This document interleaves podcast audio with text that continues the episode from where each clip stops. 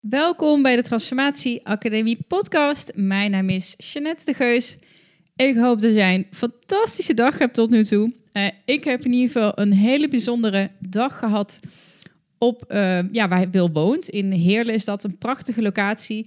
En hij heeft daar het Filosofisch Instituut voor Wijsheidsontwikkeling opgericht. Nou, een nerd als ik triggerde daar echt enorm op.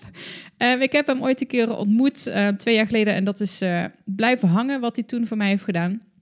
Want alsof het nog niet bijzonder genoeg is dat hij een filosofisch psychotherapeut is, werkt hij ook met ayahuasca.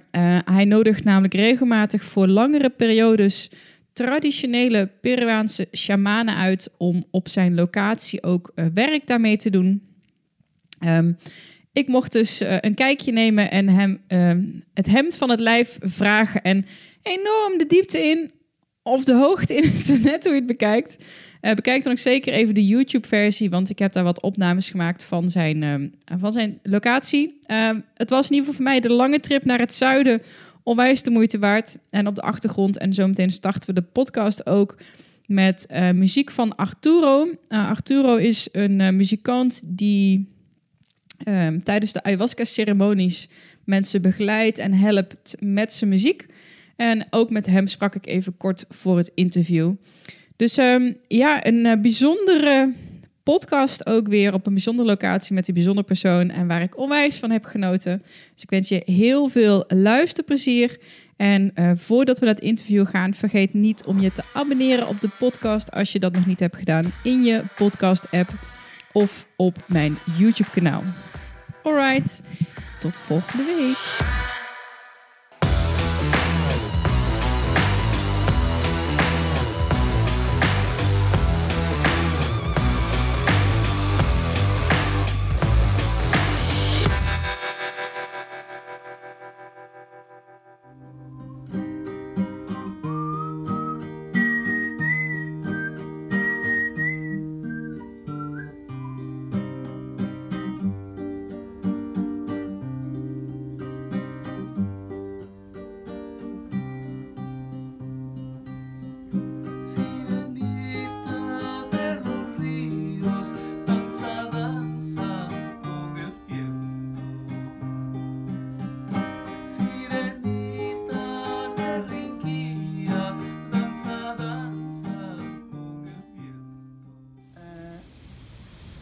Komt het door jou of trek je de energie aan dat je voor de groep zingt? Ah. Recibo la energía.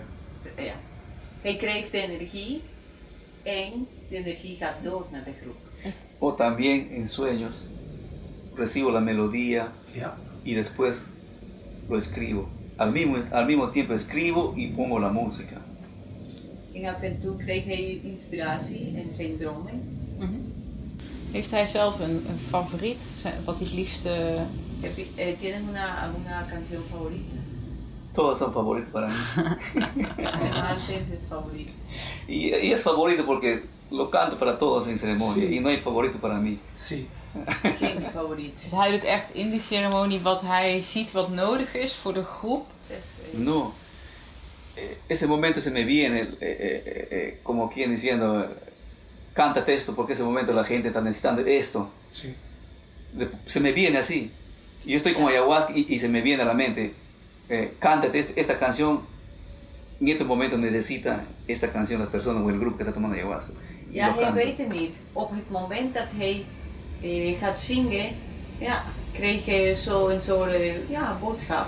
Zing maar dit, dit liedje, wat die hebben de mensen nodig. Wil, wat woon je hier? Prachtig. dat hebben de mensen net gezien. En uh, ja, dankjewel dat ik hier mocht zijn en dat je even met mij wilde zitten voor een opname. Zou je misschien jezelf even voor willen stellen? Jezus. Nou, ik had een uh, visitekaartje gemaakt en uh, daar had ik alleen maar op gezet Wil en dan mens en mens met een hoofdletter omdat ik hoop dat ik daar naartoe onderweg ben. En ik denk dat dat mij wel uh, typeert. Om uh, gewoon Maar gewoon is helaas buitengewoon een mens te worden en mens te zijn. En iedereen doet dat op zijn manier. En mijn bedrading uh, steekt zo in elkaar dat ik daarvoor ja, veel gestudeerd heb, maar ook veel praktijkervaring. En studies zijn dan theologie, filosofie, psychopathologie, psychotherapie, hypnotherapie. Even, dat, dat, zijn er zeven, tel ik, zes? Nou, het zijn er nogal wat, ja, ja. En ik blijf studeren, want ik vind het heerlijk om, zoals nu, in die ayahuasca te duiken of in de, in de Qigong. Ik, ik ben Qigong-leraar en, en, Tai Chi en, en, yoga. Dus ook al die dingen, ja, die vormen me. Maar ook de markt. Ik, als filosoof zie je vaak dat mensen in die ivoren toren, in die intellectuele toren van die filosofie blijven zitten. Maar je moet gewoon, zoals Socrates al zei, filosofie naar de marktplaats van het leven kunnen dragen en ook daar kunnen leren. Ik heb vaker mensen, dan komen ze voor een coachingstraject. Zo, welke boeken moet ik lezen? Welke intellectuele? En bij velen moet ik zeggen, hey, ga jij eens een dag per week op de markt werken of in de horeca of zo. En na een paar jaar je een betere arts voor je patiënten dan allerlei boeken je kunnen geven. Dus er is nogal, als je zegt wie ben jij, ja, alles uh, is mijn leermeester. Ik ben hier in de natuur gaan wonen, omdat ik dacht en voelde, ik ben ooit in de natuur geboren. Toen zijn we verhuisd. En toen ik zelf een dikke, vette crisis had, toen ik jong was, 15, 16, 17, 18 nog. Toen ik eruit begon te komen, wist ik, ja, de natuur is mijn leermeesteres. Maar dan moet je wel luisteren, achterluisteren, achterluisteren, praktiseren. Maar dan is het inderdaad zo dat zij mij onderwijst. Ja. Zo, dus wie ben je? Ja, dat hoort er allemaal bij. Ja. ja misschien was dan de vraag, wat ben je uh, een betere vraag? Nee, want dat wat uh, gaat naar diezelfde humane kern. Uh, we zijn bezig met het oprichten van een universiteit voor humaniteit. Elk vak moet humaan uitgericht zijn. En dat is ook wat ik ben. Ik ben nog geen mens met vier hoofdletters, maar misschien wel al met één hoofdletter. En, en dat is waar ik me op uitricht en wat ik ben. Uitrichten op maatgevende mensen. En dat kan Jezus zijn, dat kan Boeddha zijn, dat kan Socrates, dat kan Plato, dat kan Aristoteles, dat kan Lao Tse zijn. Dat kan, een, dat kan een eenvoudige mens zijn die niet bekend is en die je ergens ontmoet.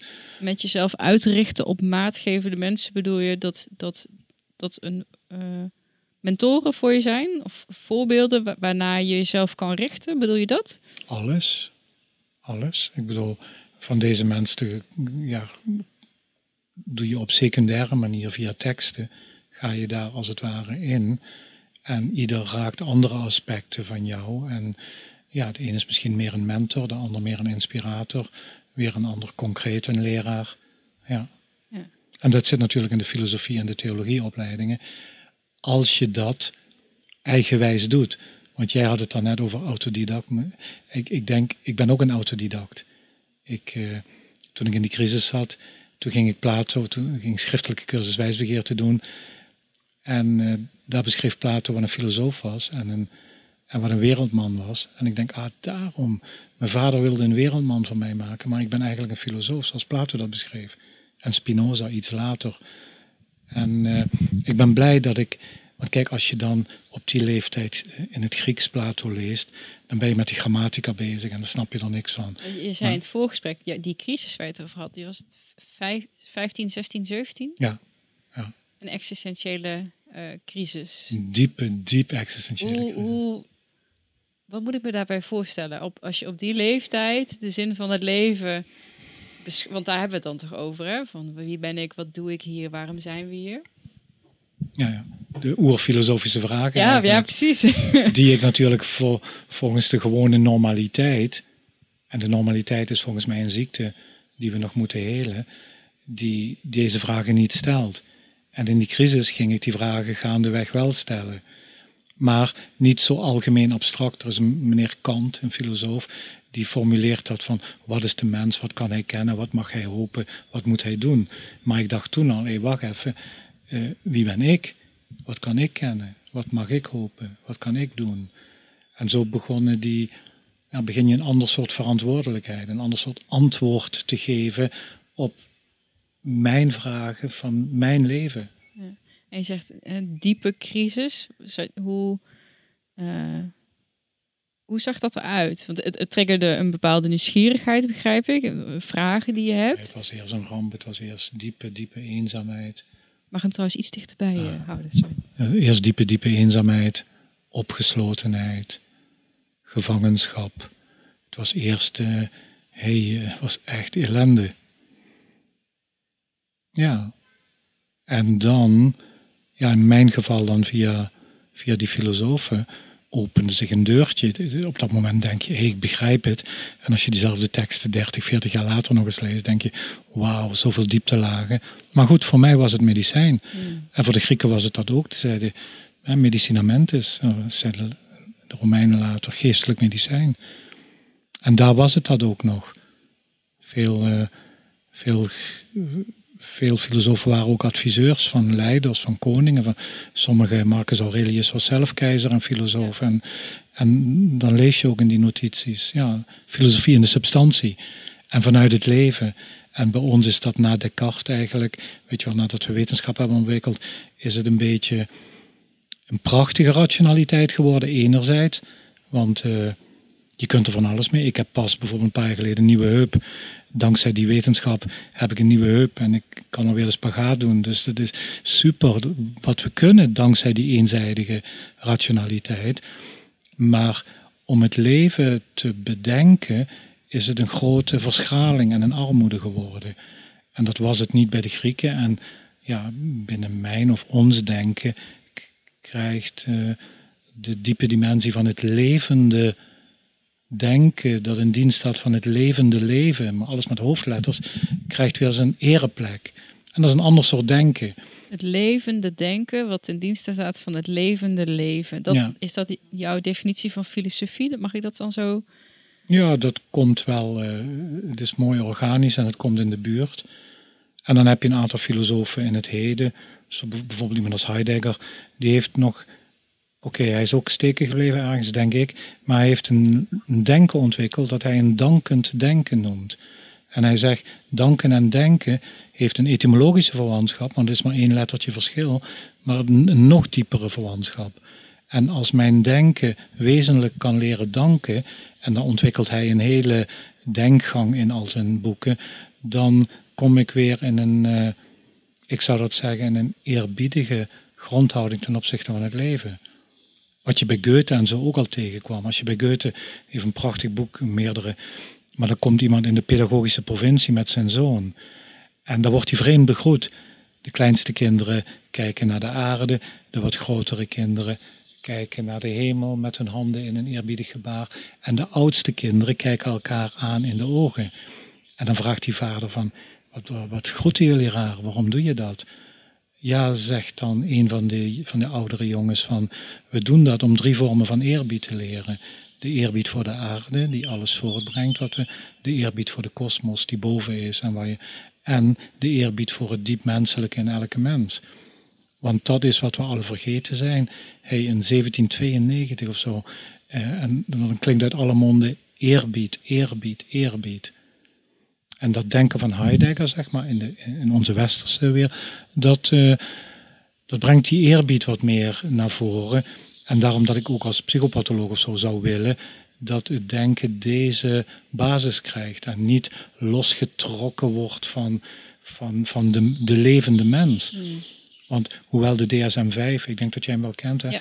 eh, op zich zitten daar verstandige en goede dingen in. Maar het is ook een ramp om bijvoorbeeld, eh, waar we het daar straks over hadden, transpersoonlijke ervaringen en zo op die manier te diagnosticeren. En er is iemand geweest als meneer eh, Albert Schweitzer, die heeft zo'n prachtig boekje geschreven, die psychiatrische studien des Herrn Jezu, waarin hij toen al met de bril van de psychiatrie naar Christus kijkt en zegt, ja, ik moet hem hartstikke gek verklaren en hem opsluiten, eh, want hij is een gevaar voor zichzelf en voor Als anderen. de DSM-5 maar als we de DSM, op hem hadden ja, toe... Ja, dan... eh jeetje, dus ja. daar zie je, Ja. En dat vind ik ook, en, en dat kun je dan nog wat moderner allemaal articuleren. Maar goed, het denken heeft veel meer mogelijkheden dan onze armoedige universiteiten ons leren, vind ik. Ja. En, eh, En dat denken, zeg maar, die levende, dat kom je in de ayahuasca heel duidelijk tegen. Steeds die levende processen, achterlevende processen, ook in andere. Maar goed, we, we zitten hier om over ayahuasca te spreken. Nou ja, Dus, eh, ja. ik Oh, vind het misschien wel leuk om te, de aanleiding, ehm, even checken hoor, de aanleiding ook te vermelden. Ehm, volgens mij in twee, ik denk dat dat het inmiddels twee jaar geleden is, of anderhalf jaar geleden, ehm, dat ik in mijn derde, sorry, mijn tweede ayahuasca-ceremonie in Nederland met eh, een, een bekende van ons, Jama. En ik had twee best wel zware dagen gehad. En op de derde dag, en eh, Maria, jouw vrouw, was daar het hele weekend bij. En op de derde dag stond daar ineens een man bij ons in de woonkamer, vlak voordat we de ceremonie ingingen. Ehm, met een heel eh, vriendelijk, zachte eh, uitdrukking. En die zei mij een paar bemoedigende woorden. We hadden toen een paar woorden gewisseld, dat was jij. Zo Van, goh, als je nou zo meteen de ceremonie ingaat, denk dan hier aan of roep, roep dit aan in de moeder. Ik heb jou toen een paar woorden verteld waar, waarmee ik vastliep. Heb je wat dingen tegen mij gezegd? Ehm, en die zijn me bijgebleven. Wat me toen heel erg. Ik, ik ben ook een hoofdmens. En eh, ik had toen ook een beetje moeite met. Ja, ayahuasca is natuurlijk alles behalve hoofd. nou ja, ehm, het is meer dan dat, laat ik het zo zeggen. ja. En eh, eh, jij wist, zeg maar, via de rationele ingang bij mij, de intellectuele ingang, iets, een knopje om te zetten of iets me ergens op te wijzen van, hé, hey, ga er eens zo in. En ik, Hmm. oh, en toen viel, toen viel het kwartje. Ik moet heel eerlijk bekennen dat ik niet meer precies weet eh, wat het is. Ik helemaal niet meer. nee, ja, maar je kon het je niet herinneren dat ik er was. En toen dacht ik, wauw, wat een bijzondere man. En toen heb ik jouw visitekaartje volgens mij gehad. En er stond op eh Wil Heuts, filosofisch psychotherapeut. Nou, die heeft een jaar bij mij in de kast gelegen. En ik heb een jaar lang gedacht, ik moet eens een keer met die man gaan praten. Nou, dat kwam er allemaal niet van. En nou, zoals die dingen dan gaan, dan soms dan suddert dat even. En eh, nu ben ik al inmiddels de podcast begonnen. dacht ik, wat mooi als ik misschien gewoon een keer met, met de microfoon eh, naar je toe ga. Eh, eens kijken of we een gesprek kunnen hebben over nou, wat. nou, niet zozeer met alleen ayahuasca, maar ik denk de, de plek daarbinnen en wat het voor ons kan doen. Want een van de dingen die jij tegen mij zei bijvoorbeeld, was van goh, misschien heb je maar één keer in je leven een ayahuasca-ceremonie nodig, of één keer in de twee jaar. Want er zit op zoveel lagen en op zoveel abstractieniveaus eh, zitten daar cadeautjes in die je uit kan pakken, zeg maar, waar je naar kan kijken en waar, die, eh, waar je mee aan de slag kan. Ehm, ja, waar, eh, zo rijk, zeg maar, zo complex. Ehm, dacht ik, nou, dat vind ik interessant, want dat zie ik soms wel eens. Oh, het wordt een beetje als een quick fix of als een, een, Ja. een, een, een, een simpel labmiddel. Eh, oh, het is goed, eh, depressie, ehm, noem het maar op. eh, inzichten in jezelf, antwoorden als je ergens mee zit. Terwijl het zoveel meer is dan dat, de in, in inzichten. Wat ik heel interessant vind, van hoe, hoe integreer je dat? Weet je, en hoe, hoe ga je daarmee om? En ehm, nou, wat we net ook in het voorgesprek, als je bijvoorbeeld naar een, een ceremonie gaat met een shamaan uit Peru of uit Brazilië, die nemen ook een hele andere interpretatie, een hele andere, andere manier van zijn en van kijken mee. eh, wat het ook nog eens vermoeilijk, denk ik, om, om het te gaan uitpakken en te gaan integreren en in je leven ehm, te, te- verankeren, wil ik bijna zeggen. Dat is een hele lange eh, introductie, waarmee ik eigenlijk wil zeggen. Ja, je hebt, je hebt me zo van, ik wist helemaal niet dat dit op deze manier kon, zeg maar. Dus en sowieso de combinatie filosoof en psychotherapeut. Dat is denk ik een hele interessante waar ik het graag met je over wil hebben. Maar ook van, hoe ga je nu als iemand die naar een ayahuasca-ceremonie gaat... of iemand die een heel groot inzicht heeft gehad, op welke manier dan ook... En dan? Ja, weet je, de, de kunst is, niet alleen met ayahuasca, maar goed, om universele patronen, ja, dat er straks over archetypes en Joseph Campbell en Carl Gustav Jung, om universele archetypes waarin, waar iemand contact mee maakt, om die individueel te differentiëren. En dat is een soort situatieve wijsheidskracht die op dat moment op die plek geldig is. Dus als ik jou twee jaar geleden een paar dingen zeg op basis van, van jouw communicatie naar mij toe.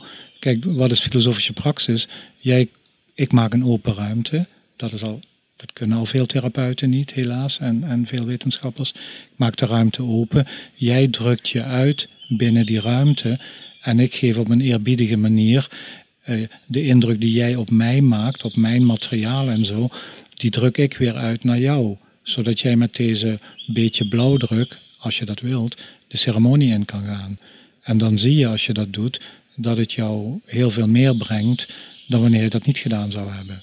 Ik weet ineens ook weer wat, wat je zei. Er zat een stuk in ehm, eh, iets over zachtheid ehm, en roep de moeder aan. Ah ja. Ehm, vraag om, om heal me, connect me. Uh, ja, omdat je toen ook al was aan het worstelen met, uh, met die beperkte rationaliteit.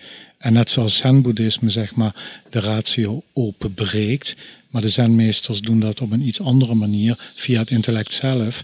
Zo doet de ayahuasca dat via natuurlijke bewegingen. En zij wil zeg maar jouw persoonlijkheid openbreken. Want uh, elke transpersoonlijke filosofie, psychologie of zo weet dat het kan wel als juist aanvoelen en gezond zijn om een inspiratie van boven of beneden of zo te krijgen. De persoonlijkheid wil eigenlijk niet veranderen. Die wil de oude structuurtjes en patroontjes eigenlijk wel nog in stand houden.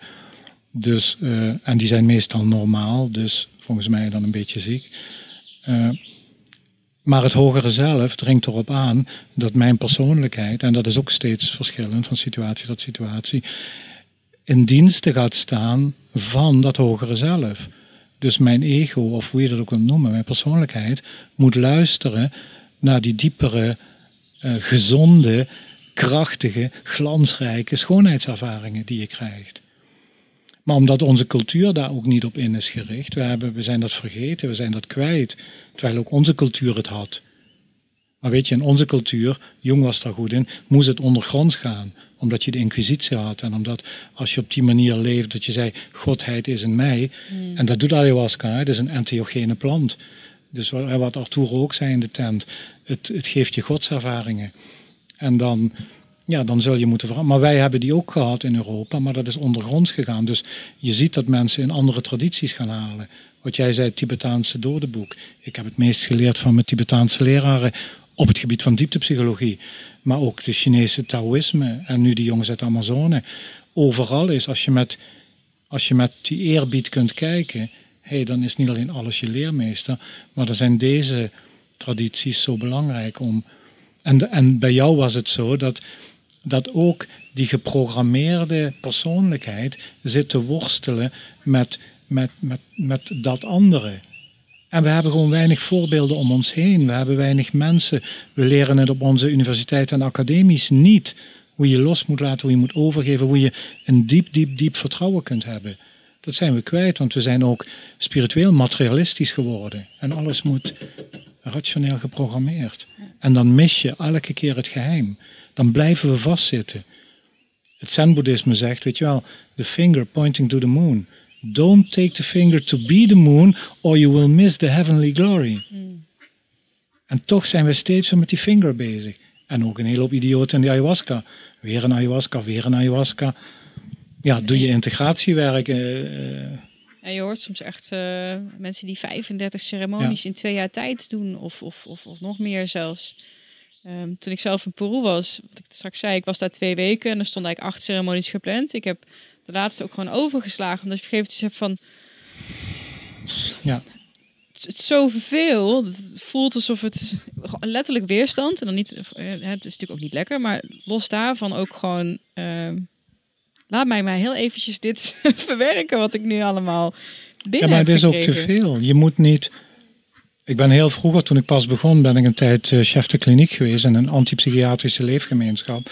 En er kwam heel, een hele intelligente jonge man bij. Dus er kwamen alleen maar mensen die gediagnosticeerd waren als schizofreen, manisch depressief, echt zware. En één jonge man, die had zichzelf gek gekondalinied. Een, een prachtige socioloog. En die heeft in zijn eentje op die zolderkamer, heeft hij die vuuradem aan van die kundalini maar gedaan en gedaan. Zonder leraar, zonder iets. En die is in een psychose gekomen en zijn hele leven psychose in, psychose uit. Nou, dat kan ik ook. Dat kan ik met drugs doen. Dat kan ik met andere meditaties doen. Dat kan ik met ayahuasca doen. Als ik een liter ayahuasca drink, ik bedoel, ook al is het. Kijk, snap je, zoveel technieken zijn wel goed. Maar op een bepaald niveau heb je toch echt wel een begeleider nodig. Ja, ja. ja en, en ik denk ook daarna. Ehm, wat, wat is in jouw opzicht het, belangrijkste wat iedereen weet van joh, de intenties die je hebt uh, op het moment dat je erin gaat? Um, ja, wat zou je graag daarna zien? Wat, wat mensen zouden. Ja, die intenties, weet je, die vertrouw ik niet zo. Uh, ja, Jain. Maria en ik, we hebben dus intensieve voorgesprekken met mensen voordat we ze toelaten tot de ceremonie. Meestal een maand of twee van tevoren. En dan krijgen ze van mij altijd huiswerk mee. En dat huiswerk heeft te maken een beetje met wat jij achter in je boek had, met je levenslijn. en, uh, uh, en dan ook met intenties. En dat is een soort voorwerk dat mensen doen met dan nog bepaalde huiswerkopdrachten die voor iedereen verschillend zijn, want iedereen komt met andere. Dus goed, dat is mijn vak een beetje om dat dan te weten. En als ze dan komen vlak voor de ceremonie, doen we altijd een meditatie. En dan zeg ik, laat nou alsjeblieft alles los. Mm. Want onze intelligentie, en, en welke intelligentie dan ook, van het hoofd, van het hart, van de buik, zijn te beperkt om, om, om de grandioosheid van een ayahuasca en eventueel van andere uh, krachtbronnen, om die te kunnen zien. Dus je hebt je voorwerk gedaan, wat je kon doen als persoon, geef het nou over. En kijk dat je in een diep vertrouwen, of wat, wat we zeiden van Goethe met die eerbied, dat je een eerbied voor de aarde. Want dit is ook aarde, hier is ook materie. Spinoza zegt, ik kan God in de materie leren kennen, omdat ik zelf ook materie ben. Dus eerbied voor de aarde, eerbied voor de kosmos, eerbied voor de medemens heb eerbied voor de sessie waar we hier zitten en, uh, en open je. Kijk dat je elke keer met je ademhaling opent. En wat Maria en ik ook doen, wat we een beetje toe hebben gevoegd aan, de, aan onze shamanen waar we mee werken. En in het begin was het een beetje moeilijk, want Don José zei, ah, zij bemoeien zich niet met de sessies. Maar die, om het zo maar te zeggen, die cultureel-antropologische setting is heel anders in Peru dan hier. En de westerse mind is een hele andere mind. Dus Maria en ik, we zijn op een gegeven moment een beetje, want ieder moet toch zijn werk zelf doen. Maar dan gaan we naar mensen toe, dan babbelen we even wat. Kijk, bij jou was het voor de ceremonie, maar vaak ook in de ceremonie is zo belangrijk. Twee of drie woorden. Atmosferisch, een, een stuk energie, waardoor de ander in een andere atmosfeer komt. Iemand als Wittgenstein bijvoorbeeld, die zegt, atmosfeer is alles en de rest is bijzaak. Dus je moet als mens, als therapeut, of als, gewoon atmosfeer doet dit.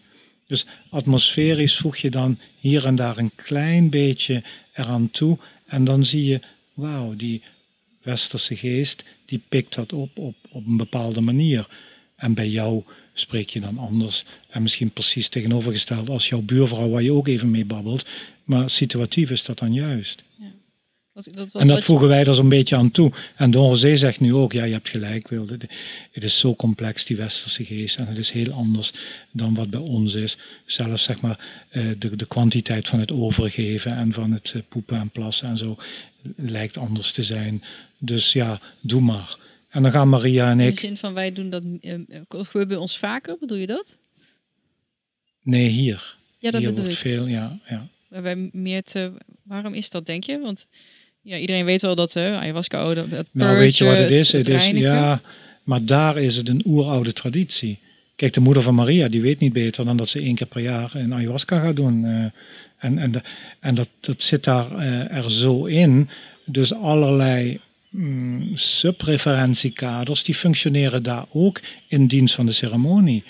En hier is het allemaal vrij nieuw en, en moet veel meer worden geopend. Er moet ook meer indoctrinatie uh, worden losgelaten.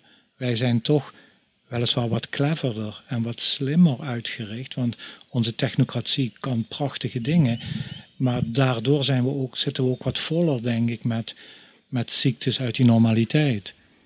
En jammer genoeg komt dat nu ook in andere culturen. Want als je die culturele antropologen van 30, 40 jaar geleden leest, ja, die kwamen daar in hele andere culturen. En die beschreven dat Margaret Mead en Ruth Benedict. Trouwens, Margaret Mead, een interessante vrouw, maar de man van haar is nog interessanter. Ik weet niet of je. Gregory Bateson. Nee. Kijk, die echte reuzen zijn nooit bekend. Hè? Maar goed, die kwamen dan in die, in die andere culturen. En ja, die beschreven dan nog van, van zo'n participerende uh, antropologie uit van wat daar gebeurde. En dan, zie je hele andere manieren van zijn. En een manier van zijn die niet per definitie minder of beter is dan de onze. Mm. Maar van dat geheel kun je leren. En dat is ook wat wij hier doen, zeg maar, binnen onze filosofische opleidingen. Uh, een respect en een eerbied voor, voor, voor al die tradities. Want geen enkele traditie heeft de waarheid. En, en dat is gewoon ook niet slim. Het is gewoon niet slim om niet te profiteren van andere kenmogelijkheden. Ook al zijn ze heel anders dan de, misschien juist wel daarom. Maar ja, dan moet je wel 20, 30 jaar lang iets anders doen. Zoals die vriend van mij waar ik mee werk, die, die, die, die leidt al 40 jaar lang arts op in de acupunctuur en in de Chinese geneeskunst. Naast dat hij ook westerse. Maar ja, dan moet je wel 20, 25 jaar specialiseren in een cultuur die voor ons nog extra. Want je moet die andere cultuur zien te assimileren. En veel mensen doen dan een hap-snap-cursusje van twee, drie jaar acupunctuur en uh, ja, oké. Ja, om echt helemaal of, entrenched te raken met, met, met uh, de kern, of de essentie van het. Ja. ja. En, en dat is ook zo'n woord wat je nu, weet je, ayahuasca, maar ook de andere, betere, de Soefi-mystiek, ja, ik kan een hele hoop opnoemen, maar die gaan naar essentie. En dat, eigenlijk doen dat alle wijsheidstradities van alle culturen. Maar wijsheid is bij ons, ook in de filosofiefaculteit, bijna niet aanwezig. Er zijn een paar hoogleraren die houden zich praktisch en effectief met wijsheid bezig, maar de rest alleen maar met een soort intellectuele acrobatiek. Maar goed, die, wijsheid, uh, die wijsheidstradities, wat wil ik nou zeggen? Dat maar weinig mensen. Die wijsheidstradities van alle culturen houden zich bezig met essentie. En ze zeggen: ik moet essentie in mijn existentie realiseren. En dan krijg je zulke spreuken die natuurlijk heel veel waarheid bevatten. Daar kun je op mediteren van ik ben in de wereld, maar niet van de wereld. In een variant. En om dat, zeg maar, als het ware in jezelf te bewerken, dat is iets wat elke wijsheidstraditie op zijn eigen manier doet. Maar dat is in onze academies verloren gegaan. Uh, wat ik uh, soms lastig vind, ik had uh, gisteren een podcast over non-dualiteit met een filosoof. Ja, heel toevallig, het is de week, de week van de filosofie, denk ik, voor mij persoonlijk. Um, dat op het moment als ik over dat soort dingen nadenk, dat ik vind dat prachtige nou, mentale acrobatiek, ik noem het uh, gedachte-experimenten. En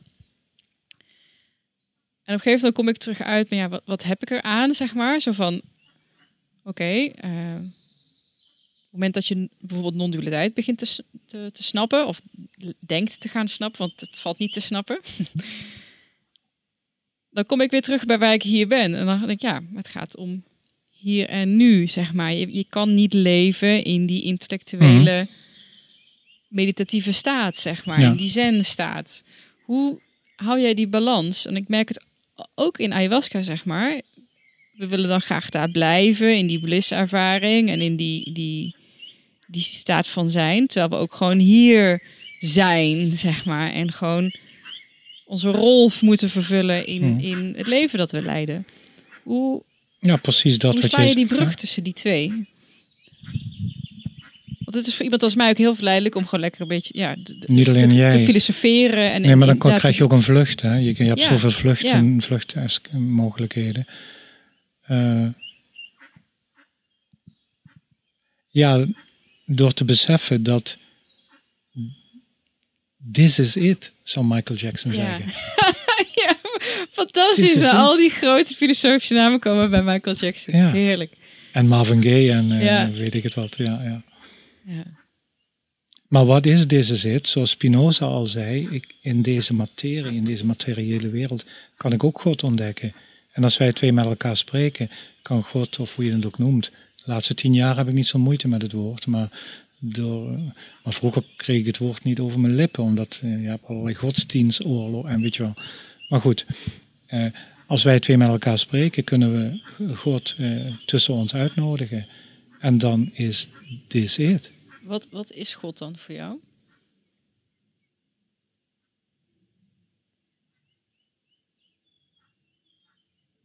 Of het goddelijke misschien. Eh, ik zou willen zeggen, het is de diep humane kern. Als wij elkaar groeten, in de yoga zeggen we bijvoorbeeld namaste. Betekent ik groet het licht in je, maar poëtisch betekent het, ik groet die plek in jou waar licht is, waar vrede is, waar wijsheid is, waar liefde is. En als jij op die plek bent in jou en ik ben op die plek in mij, dan zijn we samen één. En die eenheidservaring, ja, dat is voor mij eh, God. Of eh, Tao is een woord dat ik beter. Het, allerbeste boek ter wereld vind ik nog steeds de Tao Te Ching. Heel klein boekje van Lao dat ik al als kleine jongen las en nu nog steeds. En nog steeds niet begrijp. Maar dat is ook eh, heerlijk, want in de filosofie zeggen de betere filosofen, die noemen dat docto ignorantia. Mijn ignorantia, mijn onwetendheid, is weliswaar geleerd, maar juist omdat ze geleerd is, weet ik echt dat ik niets weet. Ik weet dat ik niets weet. En als ik niets weet, kan ik veel meer, ook bij ons twee, kan ik veel meer in de magie en in het avontuur van de ontmoeting zitten.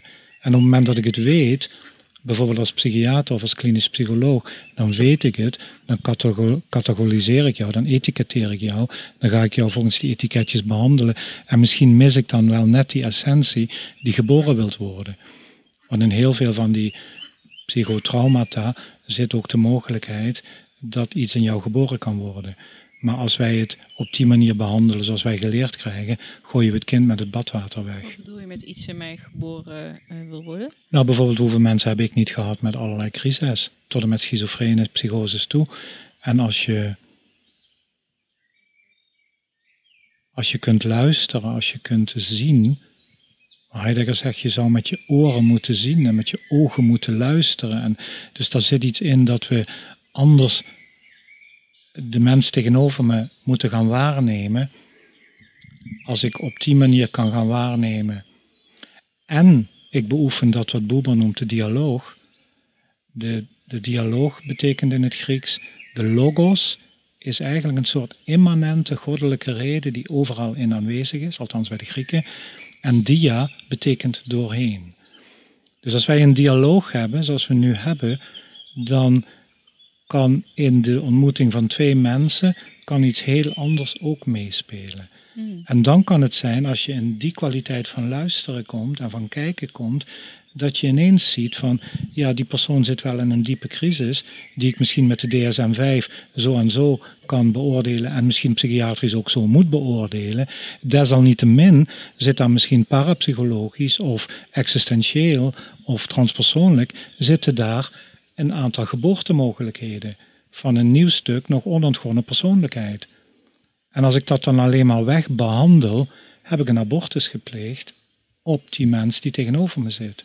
Denk je dat ehm, onze persoonlijkheid in dat opzicht van tevoren al vast ligt? In de zin van, er is een blauwdruk en misschien moeten sommige delen nog ontsloten worden?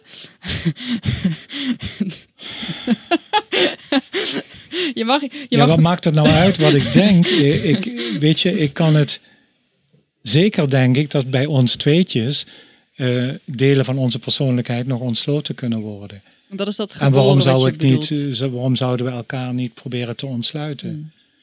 Weliswaar op je eigen tempo en op je eigen manier, want dat moet je, zoals we dat straks zeiden, nog met Kundalini, nog met ayahuasca, nog met andere meditatiemethodes forceren. Maar natuurlijk, natuurlijk, wij mensen, we kunnen ons ontsluiten naar die diep humane kern. Kijk eens naar die normaliteit die ziek is. Kijk eens naar wat we potverdikkie nog na de Tweede Wereldoorlog richten we een volkerenbond op. De beste filosofen en weet ik wat we worden eh, om de verklaring, universele verklaring van de rechten van de mens via de Verenigde Naties. We weten eigenlijk wat top is, wat zou moeten. Trouwens, een filosoof Kant die diende daarvoor met een klein geschriftje zum eeuwigen vrede. Zum eeuwigen vrede. En dat is een beetje de. Goed, daar formuleren wij als mens collectief wel het beste. Maar hé, hey, we zijn nu 60 jaar later of weet ik wat. En kijk eens, elke minuut worden twee mensen gedood door een andere mens. Elke minuut wordt een vrouw verkracht. Elke minuut. Dus uh, ja, we hebben nog veel te ontsluiten, zeg maar, in die kern van, van, van die humaniteit. En Joep en ik, mijn collega, die samen die wijsheidsschool hebben, wij noemen dat Wevolution. Het is not revolution only, but evolution. Want als ik weet dat jij hetzelfde bent dan ik, weliswaar mm. iets anders, een vrouw, en dan ga ik voor dat wij. En dan krijg ik mijn, mijn impulsen, mijn directieven voor het leven uit dat wij. En dan, ja, dan is er nog heel veel werk te doen, denk ik. Kan jij je vinden in de, in de uitspraak, uh, jij bent mij in een ander leven, feitelijk? Ander leven niet, ik ben jou, maar, dan maar in, een, andere, vorm wel. Ja. Een, andere, ja, een, een ander materiaal. Hmm. Jazeker. Wat ik, um, om, om het even terug het bruggetje naar ayahuasca ook te maken. Ja, het is een hartstikke moeilijke vraag, dat weet ik. Maar wat, wat gebeurt er volgens jou? Want ik kan er vanuit een soort van biologisch reductionistisch perspectief naar kijken. Oh, er zijn stofjes die je in, in je hersenen, de DMT die zijn werk doet. Ehm, en je kan daar vanuit een heel erg spiritueel perspectief naar kijken. Um, ja, het zal waarschijnlijk ergens in mid liggen. Maar wat vanuit jouw expertise, wat, is hetgene wat aan het werk gaat of wat er met ons gebeurt op het moment dat je een, een psychedelisch middel tot je neemt? Hmm. Ja. Ja, ik zelf heb geen verstand met andere Ik heb nooit drugs gebruikt, nooit gerookt. Ik weet niet hoe ik dat moet doen. Dus, dus ayahuasca is voor mij... Uh, dus ik hou het daar even op. hoewel ik heel veel vrienden natuurlijk heb die dat wel hebben gedaan. En hoewel ik vind, vanuit de literatuur en ook vanuit vrienden, dat, eh, dat er zeker een veertigtal psychiaters in Nederland of psychotherapeuten met LSD zouden moeten mogen werken. Ja. Schandalig dat dat. Dus, uh, en ik vind het heel interessant om zeg maar neurofysiologisch ook te blijven bekijken wat er allemaal gebeurt. Alleen weten we in onze wetenschap, we doen nu een ontdekking en een jaar later doen we een totaal tegengestelde ontdekking. Dus die kennis die is, moeten we blijven ontwikkelen, is lekker. Maar als jij vraagt wat gebeurt er, kijk, ayahuasca noemen we ook de plant van de ziel. En de ziel is iets anders dan de geest en is iets anders dan de hersenen. De ziel is ook een bezieling. Als ayahuasca, via ayahuasca raak je ook ja, bezield. En als ik bezield raak, dan ga ik niet zomaar die boom omkappen. Omdat mijn, weet ik, dan, dan heb je verbinding, zeg maar. En op het persoonlijke niveau denk ik dat, dat mijn ziel wakker wordt geroepen door een ayahuasca-ervaring, dat ik rechtstreeks naar God ga. Ja, dat hangt van de persoonlijkheid af en van het voorwerk dat hij gedaan heeft. Maar, en dat die ziel, uh, die ook weer dat wij is en niet dat ik, en dat die ziel dit materiaal oproept om vlees te worden. Ik bedoel, het Johannesevangelie begint met entoproilo. Dus eh, in het begin was er het woord. Het woord was God, het woord was bij God. En iets later, en het woord werd vlees. Dus in die traditie is Christus het vlees geworden inzicht. Of de vlees geworden wijsheid. En een andere traditie is dat Boeddha. En dan weer een andere traditie. Dus wat dat gebeurt vind ik heel erg moeilijk wat je nu zegt. dus dat er eerst ja, kennis, woord. Ja, de logos. Pas op, Johannes is toch ook Grieks opgeleid. Dus dan kom je weer bij, ja, theologen zullen me nu wel, uh, maar dan kom je weer bij wat ik daar straks zei. Logos is een soort immanente goddelijke reden die in elk stuk natuur het werk doet en waar wij nog steeds niets van begrijpen. Dus uh, het Johannesevangelie zegt dan, in het begin was er het woord. Maar woord is dan een vertaling van logos. Ah, de... En deze logos werd vlees in die persoon Christus. Zou je misschien uh, parallel kunnen trekken naar bijvoorbeeld wat we nu zien, dat, uh, wat in onze DNA vastgelegd ligt? Dus de, de, onze blauwdruk. Ja, maar die blauwdruk, die blauwdruk is weer een individuele differentiëring van een universeel, misschien van een universeel humanum. En dan heb ik humanica nodig om mijn humanum te realiseren. En die zijn iets anders dan de jouwe weer. Dus daarom moet je ook steeds een levend denken praktiseren, want ik kan het niet fixeren. Als ik jou fixeer, beledig ik jou. Hoewel ik je soms kan helpen als ik je fixeer. Dus dat is ook wel zo'n paradox. Want zeker bij psychiatrische stoornissen moet je zeker fixeren. En soms moet je medicatie gebruiken. Dus, eh, maar ja, eh, het, het, het, het levende denken en het levende zijn vraagt om, om, om de ziel, zeg maar, toe te laten, maar ook de Heilige Geest en ook het lichaam. En dat te zijn. Wat ik je daar straks zei. Wat, wie ben je? Ja, ik hoop dat ik een mens ben die gewoon is met de dingen die zijn. Met de eentjes, met het werk dat hier gedaan moet worden. Met, uh, met als ik de wc's, als ik de, als, als ik de poeprotsen moet schoonmaken. Maar ik de poeprotsen... Weet je... Ja, ja. Los van al die bla bla. Want dat is allemaal ook filosofie hoor. Daar heb ik vaak ruzie met collega's. Ik, ik zeg dat is alleen maar prolegomena. Dat betekent voorbereiding. Om te zijn. Het is allemaal in dienst van mens zijn. Ja. En de menswetenschappen en ook de geesteswetenschappen zijn dat in onze cultuur vergeten. En helaas dreigen ze dat ook in de Amazone en in andere mooie culturen. Die worden overspoeld door ons bewustzijn, dat natuurlijk hypnotiserend en prachtig is. Uh, en, Hebben wij niet hetzelfde bewustzijn als, want um, even een beetje context, jij werkt hier um, met shamanen uit Peru. Daar uh, faciliteer je ceremonies uh, voor, onder andere. Nou, meer dan dat, we werken gewoon echt samen. Ja, ja. dat is wat je net ook al zei, ja. dat je in die ceremonies ook daadwerkelijk mensen begeleidt, helpt. Ja. En daarna vooral, en daarvoor. Ja. ja. En, en daar hadden we net in het voorgesprek een stukje over, dat er een totaal ander referentiekader, andere manier van zijn is dan dat wij zijn. Dus denk je dat want ik denk dan altijd, oh, er is één universeel bewustzijn. Of zijn er, hebben zijn een andere vorm van bewust, ja, bewustzijn? Ja, ja, ik denk het wel. Ik denk natuurlijk dat er één universeel bewustzijn is. Maar als ik in een bepaalde cultuur ben geboren, dan is dat, uh, dan is dat een bepaalde blauwdruk waarbinnen ik uh, er goed aan doe, denk ik, om binnen die blauwdruk dat universele bewustzijn uit te drukken.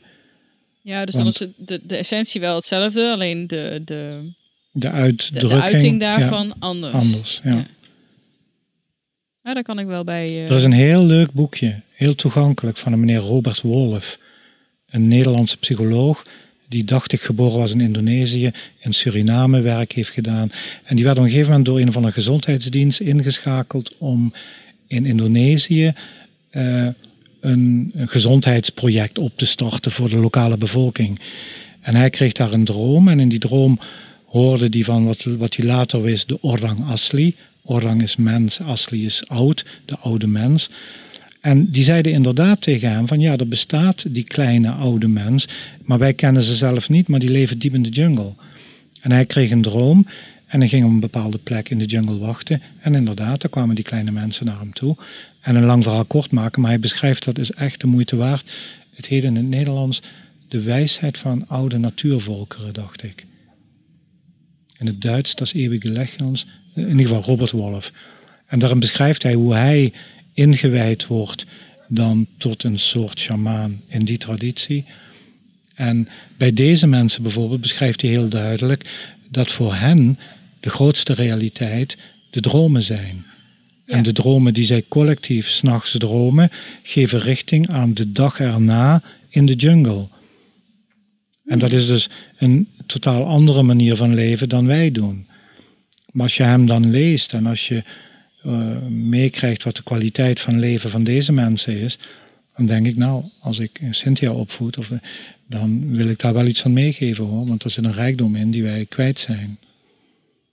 Dus dan krijg je wel een heel ander conceptueel kader. En ik denk dat het een van de prachtige krachten van de kritische reden is, van de verlichting. Maar sorry, die klote verlichting is in zijn tegendeel omgeslagen, omdat we doordat we zelf willen denken en doordat we ons gelukkig niet meer laten zeggen wat God is en wat God vindt dat we moeten doen, zijn toch maar allemaal antropomorfe projecties van beneden naar boven. Wij projecteren op boven dat en dan zeggen we boven zegt, zoals ook een hoop idioten in ayahuasca trouwens. Hoor. Die verlichting die is toen gekomen en die heeft gezegd, nee jongens, kom we gaan zelf denken. En dat is een paar eeuwen denkgeschiedenis. Maar die is ook in zijn tegendeel gaan keren, omdat wij de instrumentele rationaliteit uh, te hoog zijn gaan achten. Waardoor je die technocratie krijgt en die armoede van het denken. Dat gezegd hebben, dan zeg ik toch, de kritische reden is voor mij als Europeaan het platform waarin wij, zoals we dat nu doen, een denkend gesprek kunnen hebben en met elkaar kunnen wikken en wegen op allerlei weegschalen. Ja. Van de neurofysiologie tot en met, op, weet je, op allerlei weegschalen, maar daarvoor moet je wel een aantal weegschalen kunnen hanteren en ter beschikking hebben. Maar binnen die kritische reden zie ik dat het dan nog eh, effectiever sec wordt. Ja, jouw vakkennis sec wordt dan nog scherper. Dat zien we bijvoorbeeld in onze opleiding, waar ik, waar ik jou daar straks in wilde verleiden.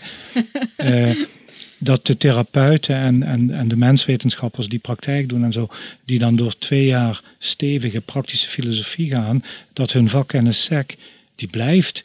En die, je ziet de, de zwakte van die wetenschap, omdat je dat filosofisch en zo. eh, Maar je ziet ook de kracht. En dan weet je veel beter wanneer ik die specifieke methode bij die mens wel toepas en bij die mens helemaal niet. En de kritische reden krijgt dat op een degelijk niveau voor, voor elkaar. Dus vandaar dat ik wel zeg, we moeten academisch blijven denken, maar eigenlijk postacademisch. We moeten door de academie heen en dan op een niveau komen waar we ook over de ziel kunnen spreken en over wat ons twee nu mens maakt. En wat Ja, en- liefde en- is en wat. Wat, wat, Je, wat je zei het net over, over dromen en ehm, eh, dat dat voor die mensen daar hun realiteit was. Dus denk, als je kijkt nou, oké, wij, zijn, wij zijn rationele mensen, we hebben een rationele cultuur. Droom is maar een hersenspinsel van onze hersenen, wordt ons dan eh, geleerd Mhm. als je slaapt. Terwijl als ik kijk naar mijn ervaringen zelf met ayahuasca en ook hoe een shamaan praat over de visioenen die hij krijgt van mij of van iemand anders in een ceremonie en hoe hij zelf naar de werkelijkheid kijkt. Dat is één grote symboliek, zeg maar, die heel erg ver af lijkt te staan van hoe je wordt opgeleid als rationele mens, waardoor je het ook Ja, ja. afdoet als onzin en Ja. eh, weet je. Terwijl, nou, misschien is dat ook een vraag aan jou. Is het zo dat ons onbewuste ehm, niet anders kan communiceren dan met die sym- symboliek? Of is hoe- Nou, niet zien? anders kan. Ons creatieve onderbewuste heeft voor mij op een bepaalde manier een hogere werkelijkheidsgraad dan mijn, dan mijn bewustzijn.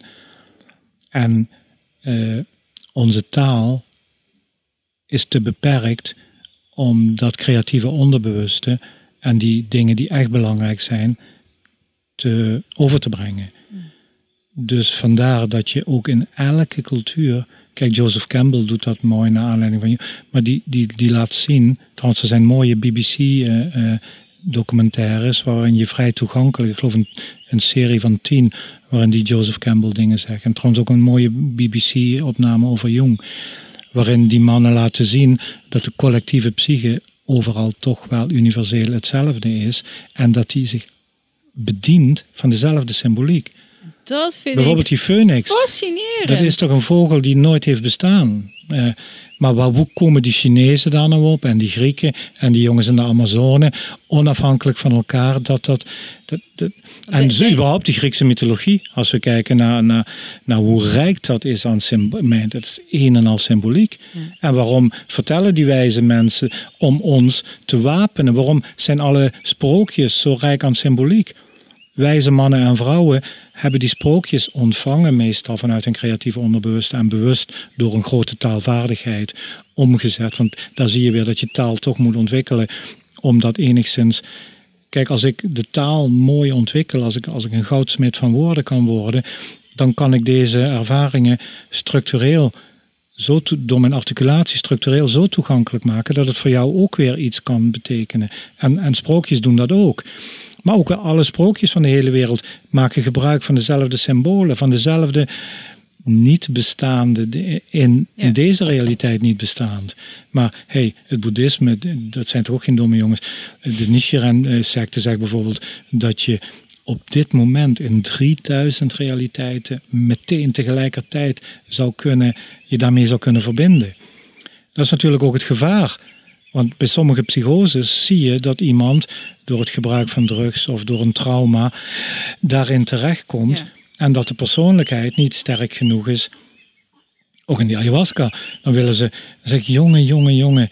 Alle wijsheidstradities zeggen, werk aan je persoonlijkheid. Werk aan je complexen, die we allemaal hebben en die mooi zijn, want dat zijn onze mogelijkheden om te groeien. Want als ik die complexen niet uh, veredel, dan krijg ik een toevloed van, van God of van ayahuasca of van licht. Maar ook die complexen, die vergroten zich dan uit. En dan zie je bijvoorbeeld in ayahuasca ook veel mensen en ook shamanen die gewoon een tikkende zender krijgen. En, of wat wij technisch zeggen, een ego-inflatie krijgen. Want hun bewustzijn wordt opgeblazen door die prachtige symbolische ervaring. Maar als die mensen niet met de voet op de grond staan en niet gewoon dagelijks, zoals in de kloosters en in de goede tradities, aan hun persoonlijkheid werken, ja, dan worden dat ook van die gesjeesde goeroes die denken dat ze de wijsheid... En, en met persoonlijkheid, uh, je noemde net ook ego, bedoel je daarmee uh, het ego? De, de, de, onze gedachtepatronen, hetgeen waar wij ons mee identificeren, zeg Dat kun je zeggen, ja. Okay. ja. Even wat... Uh... Nee, en dat ego, die persoonlijkheid, ja. Ik bedoel, we, we, we worden allemaal beschadigd door onze normaliteit. En we hebben allemaal, weet ik welke complexen. Maar als ik dat goed in kaart heb en als ik daar al aan werk, maar als ik daar nooit aan werk en ayahuasca, wauw. En of welke spirituele techniek ik ook gebruik. En dan moet je gewoon mee oppassen. En soms moet ik mensen, dan zijn ze maar, zeg nee, als je bij mij als gast in mijn praktijk wilt komen, wil ik nu dat je stopt met die of die, die praktijken. Want je maakt je gewoon knettergek. En terug, terug, dagelijks, dagelijks leven als oefening. Altijd, überhaupt trouwens. Dagelijks leven als oefening. Ja, het is heel veel. Um, het was een van de vragen ook die ik gisteren stelde. Hoe lijkt het toch te komen dat, dat juist de grootste shamanen, of de, uh, zo'n groot ego ook hebben daarbuiten? Of heeft ja, maar dat dan, daarmee, dan, nee, maar juffrouw, dan heb je niet de juiste grote shamanen ontmoet. En die zijn misschien ook moeilijk te vinden. Want weet je, ja, we hebben allemaal. Uh... Kijk, voor mij, wat is grootheid? En daar ben ik zelf nog lang niet. Wat is, wat is human greatness? Goede vraag om te stellen steeds weer. Hey Wil, wat is greatness? In dit gesprek, in het opvoeden van mijn kinderen. In het... Voor mij is het, uh, je begint als het ware blanco. In de krijgskunst zeggen wij met een witte band. Dan leer je allerlei technieken. Gele band, groene band, blauwe band, bruine band, zwarte band. Zwarte band is, dan mag je lesgeven, dan ben je leraar. Nog geen meer. Dan heb je meestal in de meeste zes zwarte banden. Dus ik kan, als ik professor ben, ben ik misschien een vierde dan, mm. zwarte band. Uh, bij de zevende dan word je grootmeester. Achtste dan, negende dan. Schloes. Sommige karatevormen hebben tien, tien tiende dan. Maar voor mij is het dat je daarna weer een examen kunt doen een innerlijk examen terug opnieuw voor de witte band. En die witte band is dubbel zo lang als aan het begin van je levenslijn. En voor mij is dat eenvoud en complexiteit aan het einde van die complexe lijn. Dan is het natuurlijkheid geworden, spontaniteit, onschuld. Het is gewoon weer onschuld geworden. En dat is een grote shamaan, of dat is een grote qigong-meester, of dat is een grote filosoof, of een grote leraar die die dubbele witte band heeft weten te bemachtigen.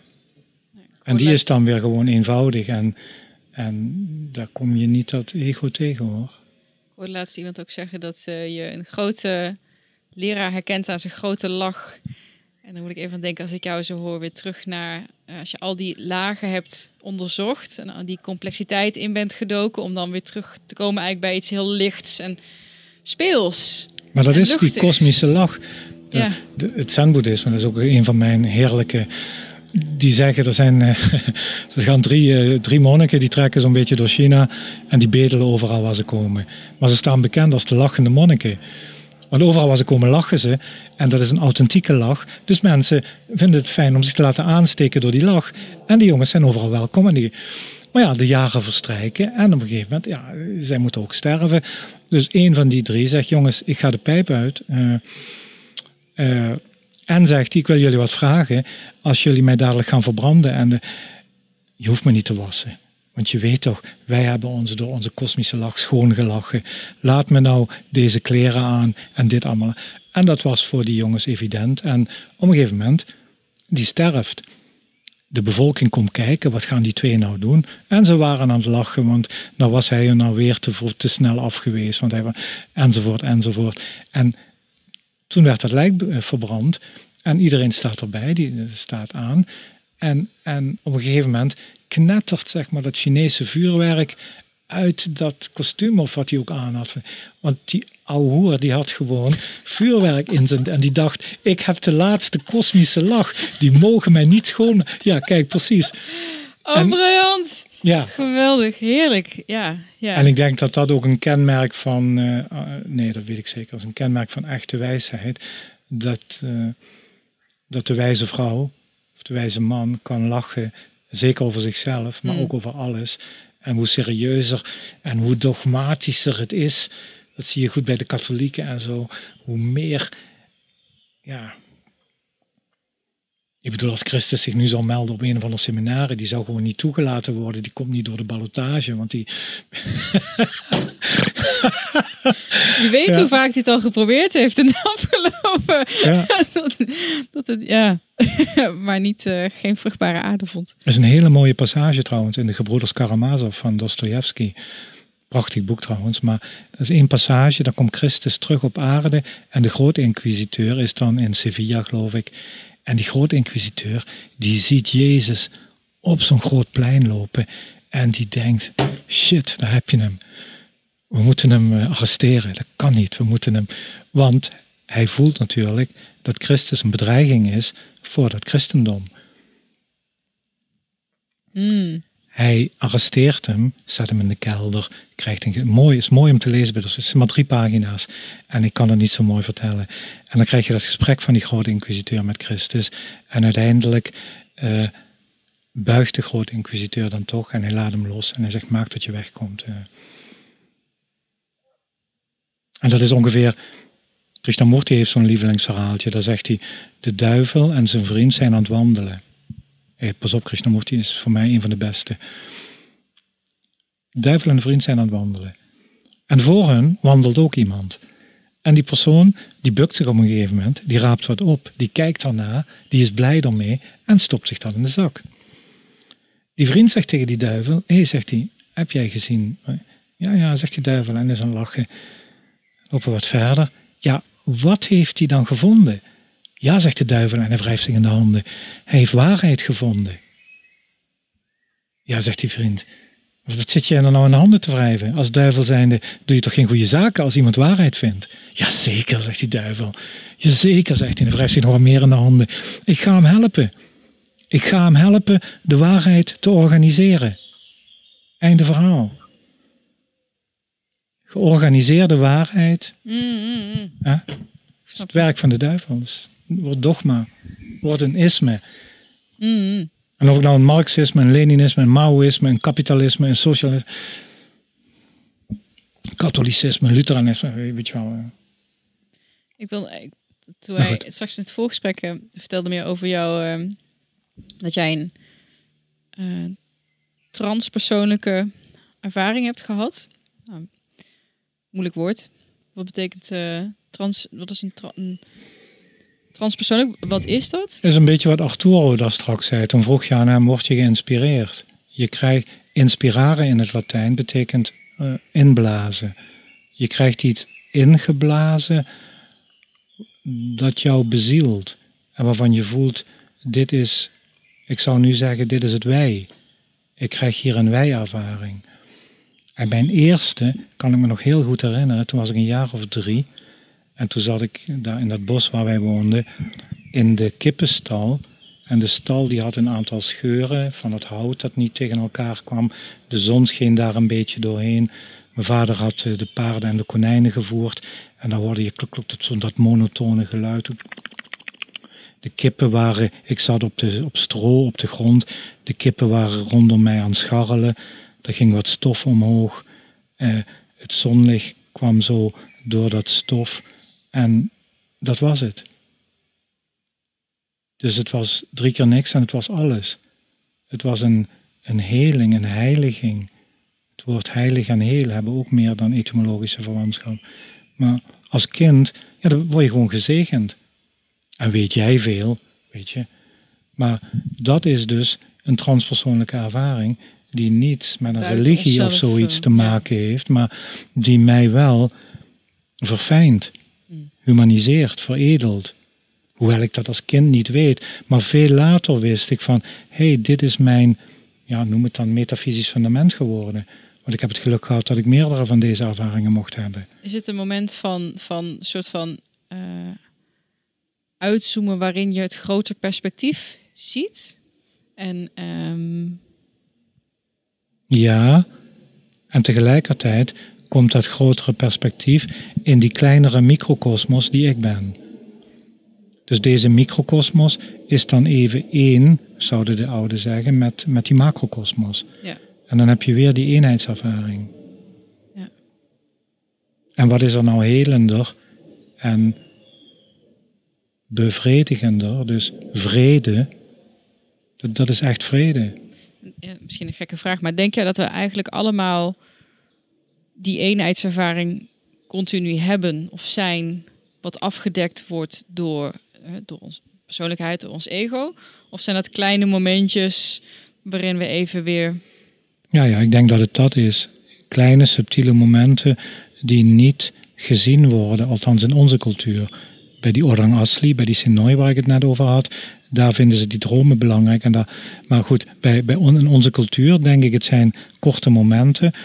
En wij kennen ze niet, of we kennen ze wel, maar we herkennen ze niet omdat we de kennis en kunde niet hebben. Dus we laten ze voorbij gaan.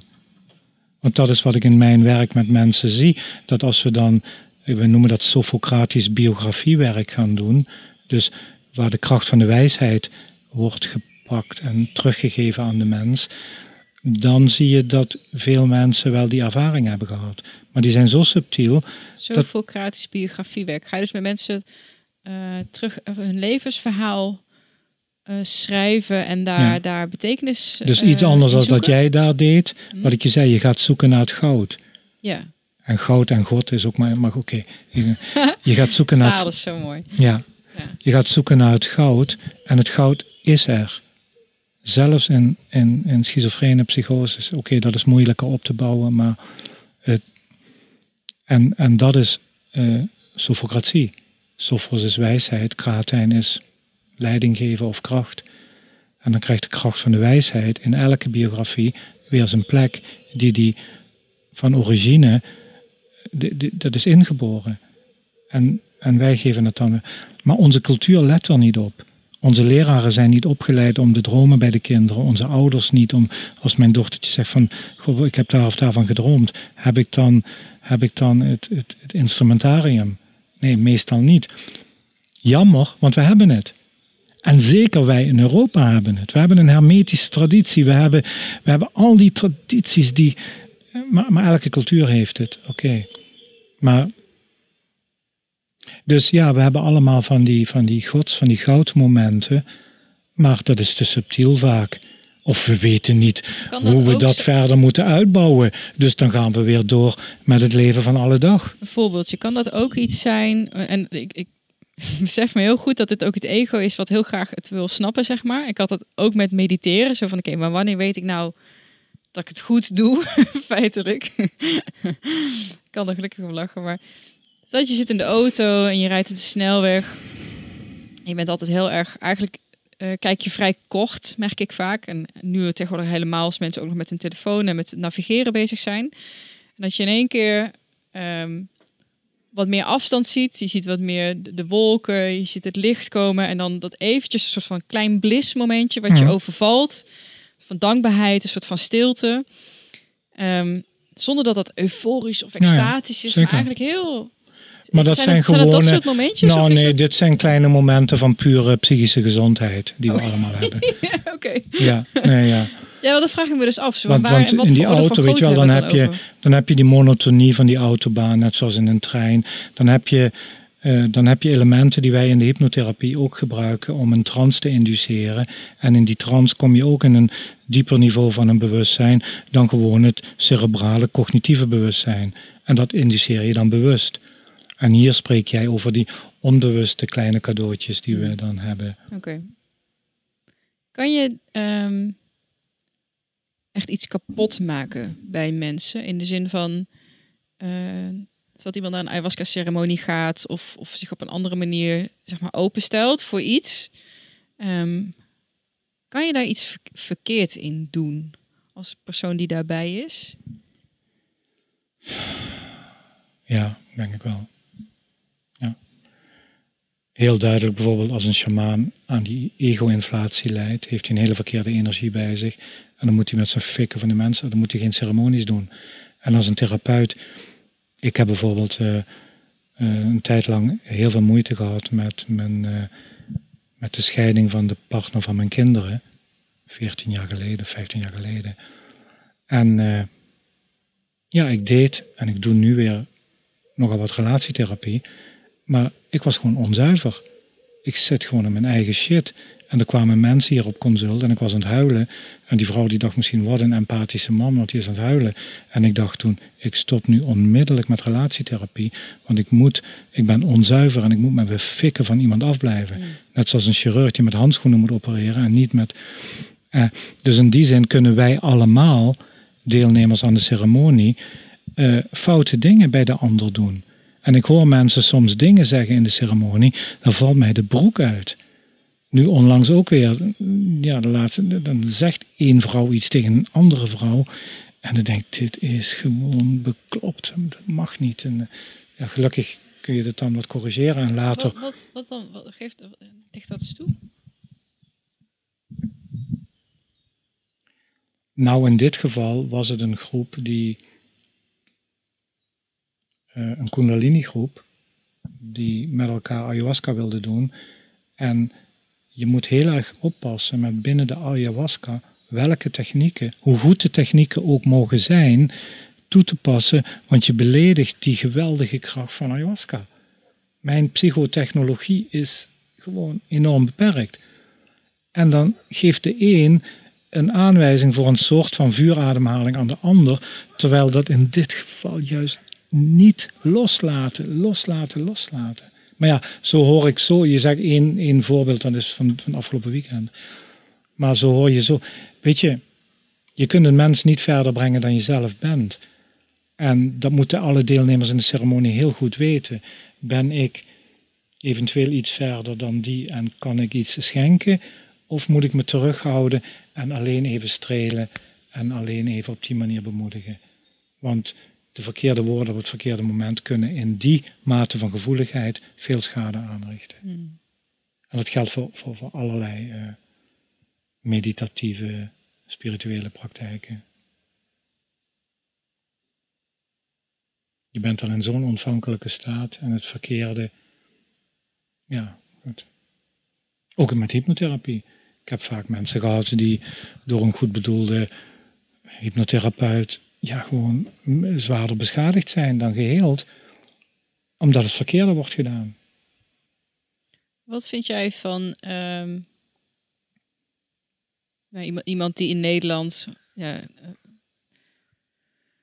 um, ayahuasca-ceremonies doet of andere mensen begeleidt? Het kan ook met psilocybin zijn bijvoorbeeld. ehm, Hmm. Die niet een traditionele opleiding heeft genoten. Want kijk, aan de ene kant Hmm. ik kan me ook best wel voorstellen dat juist iemand die eh, in dit, deze uiting van dit bewustzijn waar wij nu zijn, deze maatschappij, zeg maar, met die achtergrond, als die met een middel als ayahuasca of psilocybin of Hmm. Ja, ja. vasten of dansen of wat Ja, het dan ook maar mag zijn om iemand eh, ontvankelijk te maken, dat dat juist ook een voordeel kan zijn, omdat het onze, onze westerse manier van denken met zich meedraagt, in tegenstelling tot eh, iemand die bijvoorbeeld uit Peru komt, of uit de jungle komt, die dat mee, mee hier naartoe neemt. Want daar mis je ook je een beetje lost in translation misschien. Hoe, hoe zie jij dat? Ja, weet je, het is wat het is. Dus eh, als ik hier ga verbouwen, dan heb ik hier kinderkopjes en dan is dat de isheid waar ik iets mee doe.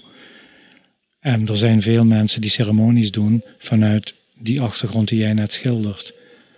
Eh, In de zin van Dat- als, als echt ayahuasca de... eh, eh, ehm, Kijk, wat ik zelf doe, ik werk niet voor niks met die shamanen. Terwijl ik best wel een goede bagage heb op, op eh, therapeutisch vlak.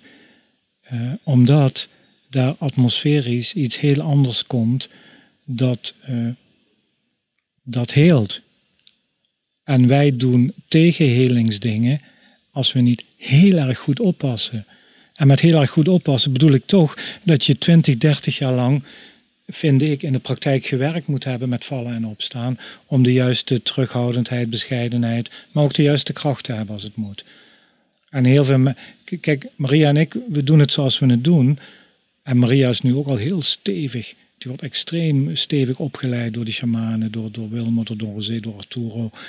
Uh, en dan denk ik, ja, dat vind ik wat fijn. Want als ik dan met Maria samen, dan heeft zij ook, en ook, ook omdat ze uit, uit Colombia komt en omdat haar moeder al altijd die ayahuasca, kijk, dat zit daar gewoon in die. En dan denk ik, ja, uh, ja, ik, zou ik het alleen doen met iemand? Misschien, misschien. Maar liever met Maria of met een shaman? Ja, altijd. Altijd liever dat. Want je, je heiligt de ruimte op een andere manier. Wat je doet is, je maakt als het ware in de tent een, een, een kerk. En nou heb ik niet zoveel op met kerken, maar waar met heilige ruimte is. En die jongens, of die vrouwen, die, die brengen een atmosfeer mee die wij gewoon niet meebrengen. Hmm. En het komt uit die contraien. Dus alsjeblieft, ja goed, dat vind ik. Doe dat op die manier en voeg daar het beste van onze cultuur aan, of culturen aan toe. De reden dat ik het vraag is dat ik, ehm, en dat hangt een beetje samen met het volgende. Soms denk ik van, is het nou, is, is het een collectieve kennis waar je af en toe intapt? Dus uh, laat ayahuasca, of uh, welke van het ritueel je dan ook gebruikt, dat denken de mensen, dat denken de organisatoren, die denken dat ze het goed doen. Want in hun beleving tappen ze ook in iets in. En in hun, hun, beleving is hun helderziendheid of een heldervoelendheid of een olfactorische uh, uh, zuiver. Als ik dan kijk, zeg ik nee, is niet zo. Dus ieder wordt dan. Ja, en waarom? Omdat ze het niet organiseren dat andere mensen die ook verstandig zijn en zo meekijken, dat we elkaar de wacht houden bij elkaar. Dat we regelmatig, dat zouden mensen als jij zeker moeten doen, regelmatig intervisiegroepjes organiseren met, met, met, met andere heldere mensen die bij elkaar op wacht staan. Dat doen die niet. En dan, denk, dan denken ze echt van, ja maar Wil, ik zag dat. En ik, ja, jij zag dat. Maar dat ben alleen maar jij. Dat is jouw bedrading. En je bent misschien een, eh, een tweede danner. Voor mij waarbij je een zwarte band tweede danner. Maar je geeft een zesde dan antwoord. Mag niet. Potverdikkie, laat dat. Want je kunt het niet dragen. en die persoon kan dat niet dragen op dat moment. En hoe weet je dat wij je staat dan? Of kan je daar alleen op Nou, dat weet je bijvoorbeeld door die intervisie. Ja. Als ik verstandige, fijne, eh, hoogontwikkelde, complexe, uh, moreel hoogstaande mensen om me heen organiseer en, en ik laat me daardoor bevragen en toetsen en ik spar daarmee, ja, ja dan weet ik dat. Gek hè, dat, dat dat dan weer wel binnen de, het rationele instituut heel goed geregeld is. Want daar mag je niet zomaar een bepaalde titel uh, op plakken en niet zomaar bepaald werk doen. Je allerlei commissies door en uh, je kunde bewijzen, zeg maar. En dit voelt dan bijna, en in de jungle ook, dan kom je ook niet zomaar uh, op een bepaalde status. Maar het lijkt alsof het hier heel. Want ik kom het wel eens tegen. Dus ja, nee, ik doe dat thuis en ik brouw dat zelf. En uh, mijn moeder ayahuasca zegt dit tegen mij en zegt dat tegen mij. En die gaan dan mensen helpen, want ze hebben zelf iets geheeld. Nou, je ziet het ook eh, los van ayahuasca, ook in coaching. En mensen hebben een burn-out gehad, die hebben een hele goede coach of een mentor gehad, die hebben wat licht gezien ik ga mensen helpen. Dit is wat ik nu doe. Ik ga andere mensen daar ook doorheen slepen. In die ayahuasca zie je dat heel veel. Ja, ja. Dat komt natuurlijk ook, heeft te maken met onze, zeg maar, armoede. Affectieve, spirituele armoede, niet intellectueel. En ayahuasca opent zoveel deuren, eh, zoveel vensters. En inderdaad worden, als ik nu kijk naar kennissen, vrienden van me, die, die, die ook ayahuasca-ceremonies organiseren, inderdaad worden vensters of soms een deur geopend naar, zeg voor mij, een paranormale wereld. Maar hey, ik heb 15 jaar nodig om dat te trainen. En ineens zeggen zij, net zoals wat ik je zei, dat ik nog wat paragnosten heb moeten helpen om het te integreren. Ja, dat, dat, is, een, dat is een lange weg. Mm. Zoals elke goede leerweg is gewoon een hele lange weg. En we zijn tegenwoordig van de instant en van de anabole steroïden en van weet ik wat allemaal. Maar ja, trouwens, in de kloosters was het ook altijd goed georganiseerd. Het op wacht staan bij elkaar. Ja. Altijd. Maar ik, ik, denk ook wel, of ik, ik ben in, eh, denk ik in heel erg optimistisch in dat eh, opzicht. Een hele gekke parallel misschien, maar ik, had het, ik moet eraan denken omdat ik het er gisteren over had. eh, social media. Weet je, iedereen eh, maakt zich heel erg druk van, oh jee, dat loopt de spuigaten uit. Weet je, dat is verslavend. Ehm, en er is geen toezicht. En dat dat zichzelf reguleert. Dat je nu ziet dat de kinderen de telefoon laten liggen. En omdat ze, het is too much, te veel prikkels. En dat dat misschien ook in dit soort praktijken, dat er een soort van autoregulatie eh, plaats gaat vinden. Ook omdat het, het moet die Misschien. excessen misschien even opzoeken. Ja. Het moet even Ja. de randen aantikken van, oké, Misschien, ja. ja. dat het Want dan vanzelf weer ik vind terugkomt. zeker niet dat de overheid het moet reguleren.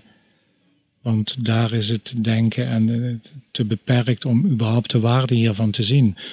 Dus ik hoop dat de mensen zelf dan hun trajecten vinden waar, waar ja goed. Ja, dat, dat, de- de- misschien dat dat, het is een hele gekke parallel, dat snap ik, maar dat ehm, het individu wel weer op zoek gaat naar ehm, daar waar de opbrengst het grootst is.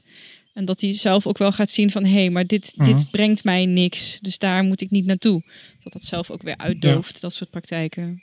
En weet je, als, eh, als het alleen maar een ayahuasca-ceremonie is en een klein beetje coaching, vaak is de schade niet zo heel groot, maar is het wel een soort kleuterschool van, het, eh, van de spirituele opening. En dan hoop je dat mensen zelf een lagere school en een middelbare school en weet ik wat nog gaan volgen daarbinnen. Ja, ja. Ja, het kan voor iemand eh, wat triggeren of eh, momentum genereren om een Zeker. bepaalde nieuwsgierigheid te gaan ontwikkelen in een bepaald onderwerp. Zeker. Dat- dat- absoluut. zoals, zoals Aldous Huxley een leuk boekje heeft geschreven, Doors of Perception. Als jij LSD wel eens probeert, Eén je- één keer nu eh, een macrodosis gedaan. heb Dat- je het boekje gelezen? Nee. Ik heb dat niet van Huxley gelezen, nee. Wat wel? Ehm, Brave New World natuurlijk. nou, het stom Nee. is, die heb ik nog liggen. Net als Perennial Philosophy. Ai, dat moet je zeker lezen. Ja, dat weet ik. Maar ik, vind, ik vind zijn, eh, zijn taalgebruik wel... En ik, ik lees het in het Engels, want ik lees Ah, het graag, is graag in eh native Heel language. eloquent. ja, dus dat ik soms... is, ja. En maar hoe heet het andere boek nou? Island? The Island. Ja, Heb je dat wel gelezen? Ja, dat heb ik wel gelezen. Super. Ja.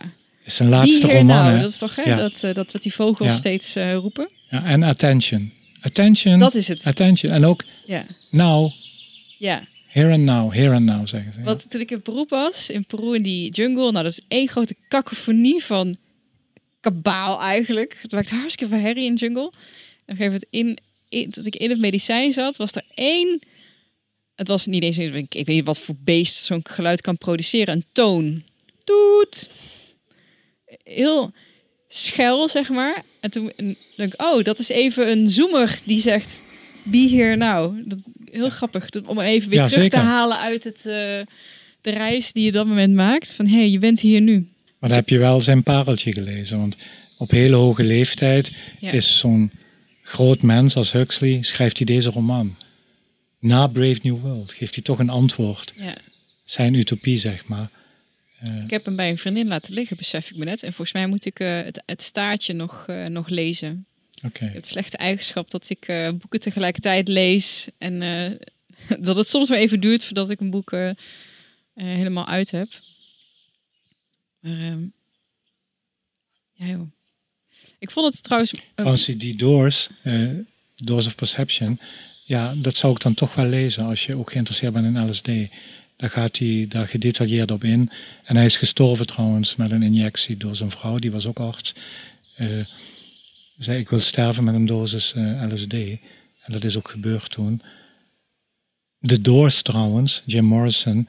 eh, Is de, naam, zijn, nee, dat, zijn naam, hun naam is gebaseerd op Doors of Perception. Ja.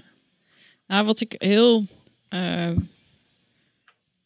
Ja, en ik, ik geloof, even, of ik denk dat ehm, hetgeen ik, ik bewust mijn hoofd voed. Want ik merkte toen ik in Peru was, was ik ehm Alan Watts aan het lezen en ehm, Dark Knights of the Soul.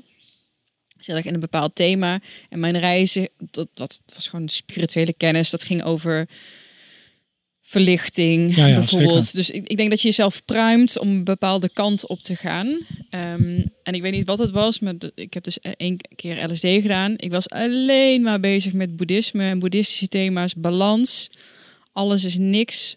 Of niks is alles en alles is niks tegelijkertijd. Alles is geen kleur en alle kleuren ooit die je maar kan voor kan stellen tegelijkertijd. En dat was een soort van mond, een soort van harmonica, een waaier.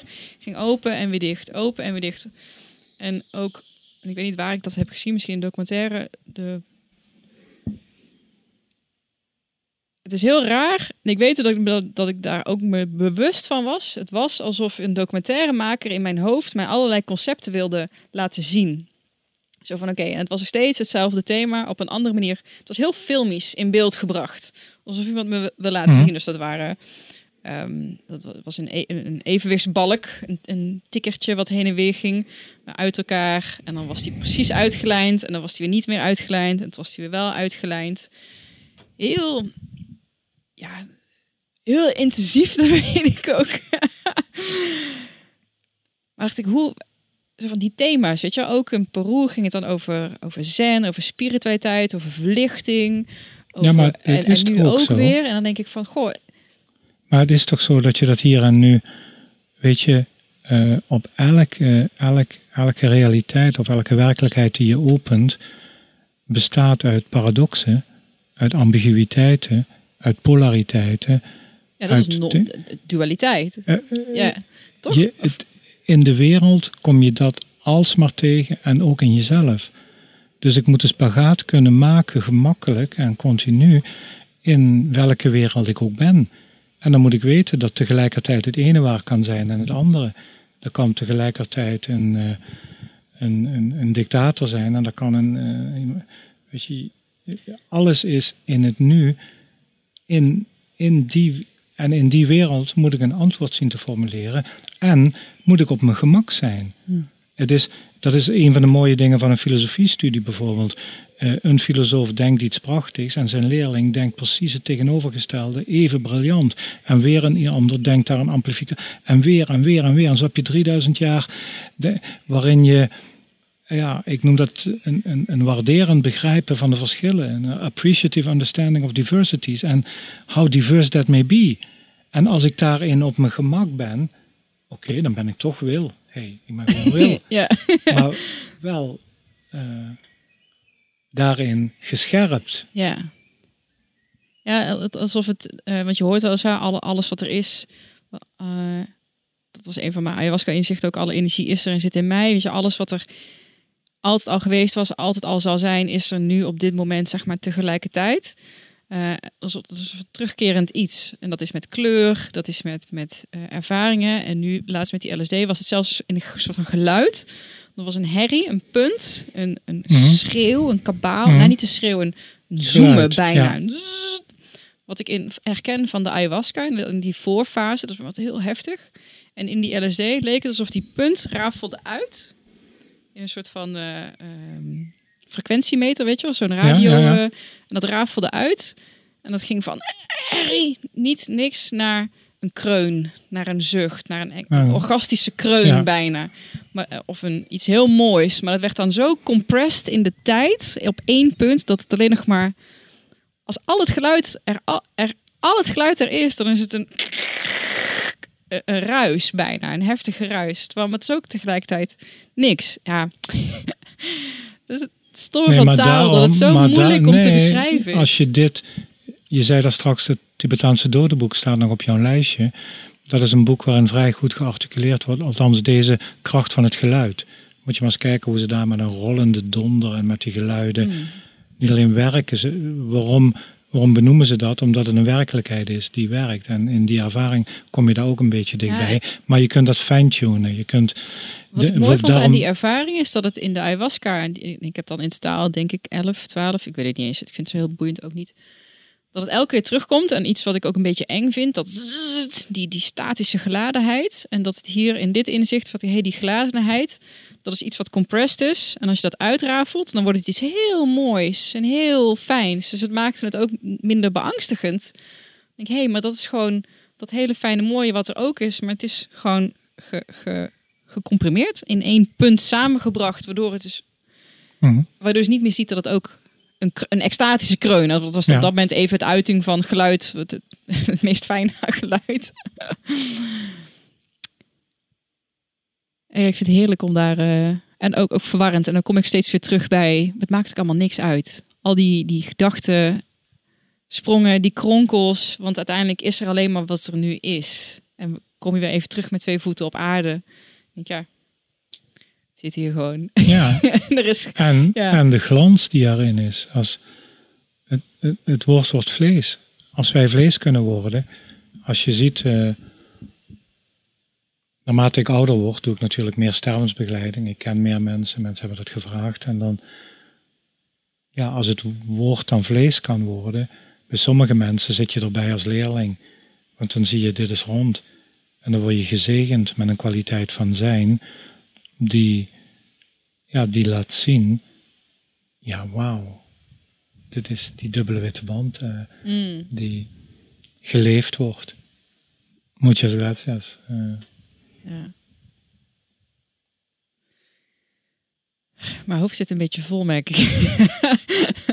even pauze of zoiets. Hoe laat is het trouwens? Want nou, we zijn al anderhalf uur eh, verder. oh, moet ik even kijken, want er zou eigenlijk iemand komen. Dus Ja. die zal wel... Is er nog iets wat jij graag eh, ja, i- eh, wil inbrengen? Of dat je van, hé, hey, dit is een, een thema wat ik graag nog eh, naar voren had willen brengen of duidelijk wil maken?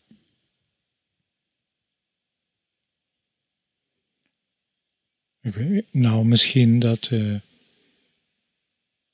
dat de kracht van ayahuasca, als het vakkundig gebruikt wordt, eh, zeer de moeite waard is voor ons Europeanen, nee, voor de mensen. En dan gun ik gewoon iedereen dat zij, ja, die ayahuasca, dat nationaal erfgoed is in Peru, niet voor niets, denk ik dan zo dat we daar eh, eerbiediger mee om leren gaan.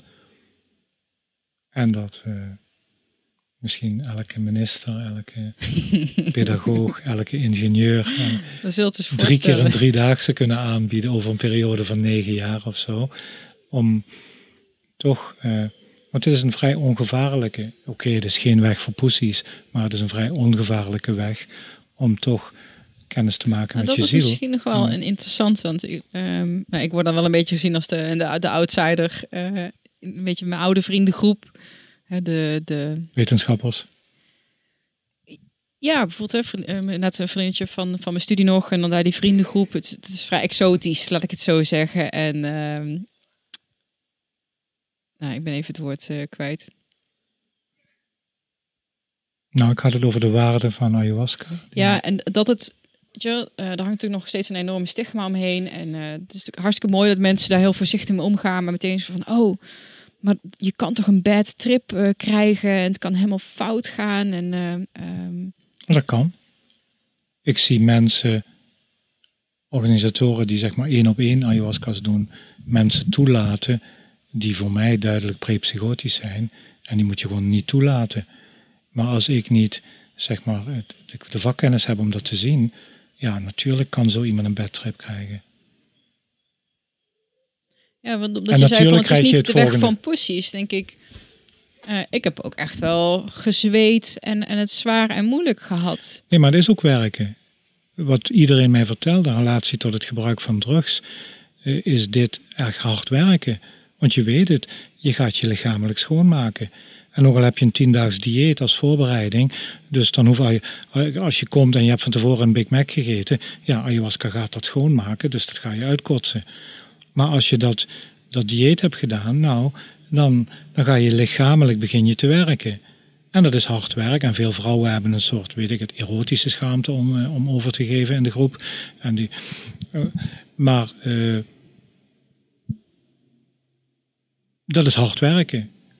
En vervolgens kom je dan in je emotionele lichaam, de rotzooi op, in je mentale lichaam, in je spirituele lichaam, misschien etherisch en astrale lichaam ook nog. Ja, dat is gewoon fucking hard werken. En veel mensen vinden dat, dat na de eerste zeggen nooit meer. Ja, want die denken dat, misschien hebben ze al ooit eens een trip, die denken dat dat een trip is. Nee, dat is het niet. Ayahuasca is gewoon hard werken. Maar voor iemand En die... het kan dus gevaarlijk zijn, wat ik net zei. Maar ik weet niet of je onla of onlangs, een half jaar geleden, was er een VPRO-documentaire over Ik heb het ayahuasca. erover gehoord, ja. Dat is wel En- undercover. eh, Ja. ja. Nou, ik kan het goed begrijpen, want als, ik, eh, als, als wij nu met vier journalisten eh, gewoon op internet gaan kijken wie biedt ayahuasca aan, ja, van de 100 aanbieders zijn er 90 pruts en zijn er 10 gewoon goed. Maar de kans dat ik bij die 90 pruts kom is groot. En die journalisten zijn daar terechtgekomen. En die maken dan ook een reportage waarvan later in de Tweede Kamer vragen worden gesteld. En waarvan vrienden van mij die bij de recherche zijn en die zelf een ayahuasca hier doen, zeggen: Wil, na die uitzending hebben wij een lijst gekregen dat we anders moeten gaan handhaven op ayahuasca. En eerst was het helemaal niet. Was gewoon. En ook met het krijgen van ayahuasca. De, de douane neemt veel meer in beslag dan vroeger. best stom, hè? Want het middel zelf is niet het gevaar. Het zijn degene, de handen die het middel, de onkundige handen soms, die het Ja. middel eh, toedienen. Niet het middel zelf. Nee, maar ook met LSD. Ja, Als je ziet de psychiaters die daarmee werkten of therapeuten. ja. In Nederland als laatste professor Bastiaans, die dan vooral met LSD in, in, in relatie tot oorlogstrauma's werkte. Een heel goed werk. Maar toen hij stierf, mocht niemand dat meer. Ja. Ja, zonde. Eh, ik volg een beetje de, de, de microdosing.nl eh, groep ook in Nederland. En ook de, de Amerikaanse podcast die het veel over eh, de clinical trials met MDMA nu hebben. We zijn nu in een fase 3 clinical trials om ehm, PTSS te gaan ehm, ja, ja. behandelen met MDMA. Ehm psilocybin staat als volgende op de lijst. Eh, Dus nu is zeg maar de weg banen, vrij banen voor dit soort onderzoek. Dus LSD eh, kan daar misschien Mhm. ook aan toegevoegd worden. Is dat, ehm, weet je, dat middel is oké, maar je kan elk middel kan in handen zo. van een prutser e- e- even heel erg gevaarlijk zijn. Dat is met misschien meditatie, is dat is met hypnotherapie, Ja. dat is met alles. Met Kundalini, wat je zei. Ja. Ja.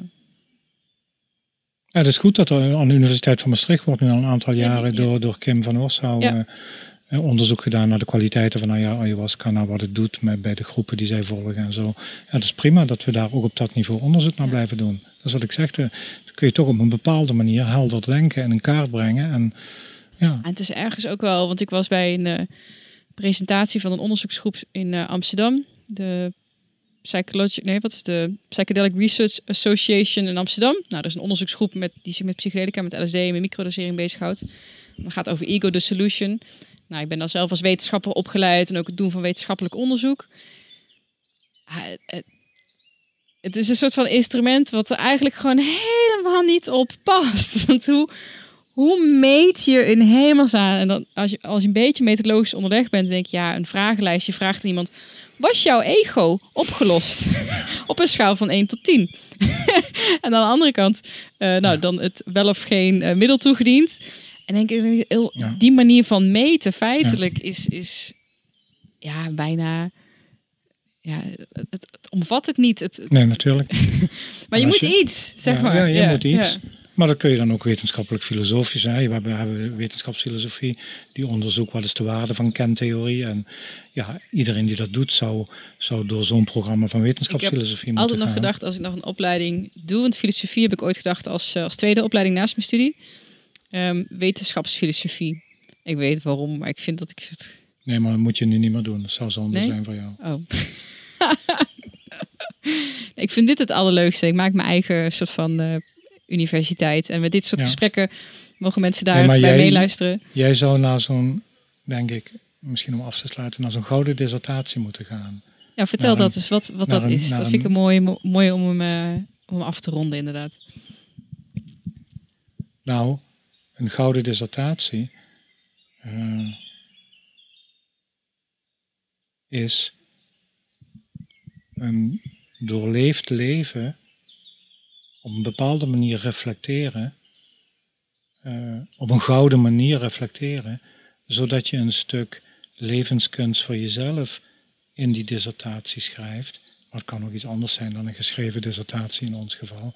Als je kunstenaar bent, maak je muziekwerk of een schilderij. Of een, dus bij ons is de afstudeeropdracht vrij ruim en open. Eh, waarin jouw kritisch vermogen, maar ook jouw, jouw homo sapiens zijn, wij noemen noemen onszelf Homo sapiens sapiens. Dat betekent niet alleen wijze, maar ook fijnproever. Waarin je fijnproevend, proevend je eigen kok bent geworden en met je eigen ingrediënten. En dat je dat in die gouden dissertatie presenteert. Iets heel anders dan een academische Mm. dissertatie. Past perfect bij en ja, mensen die deze podcast heel veel luisteren. Want ik, volgens mij heb ik het nu vijf keer op rij erover gehad. Past perfect binnen het, het concept van je moet niet bouwen aan een cv, maar aan een live resume. Dus eh, niet, niet een eh, bepaalde functies of bedrijven waar je graag, eh, want dat staat goed op mijn cv, maar ik wil bouwen aan mijn levenswerk, mijn levenskunst. En dus dat je dat en, en dat najagen, dat kunnen ervaringen zijn, misschien ook opleidingen, eh, mensen, boeken, plekken. En dat proef ik daar een beetje in. Eh, Misschien, maar ook dat beeldhouden en dat smeden. ja, Zijn ver- continu verfijnen. Ja. ambachtelijk Ja. wat meer... eh, Nou, ik vind het wel wat, wat hebben. Ja, Schat, ik ga even kijken of mijn bezoekster ik hoorde het. is. Ja. nou, ik ga hem afronden. Als mensen ehm hierdoor geïnspireerd zijn, is iets van: hey, eh, met wat voor soort mensen werk je en waar, waar kunnen ze kunnen ze jou ergens vinden? Of, en waarmee mogen ze Ja, jou ze, ze contact kun- ja, met wat voor dat vragen? moeten ze zelf voelen of zien of weten. Eh, ik ben te vinden op een website www.wijsheidsscholing.nl Prima. Mm. Dankjewel.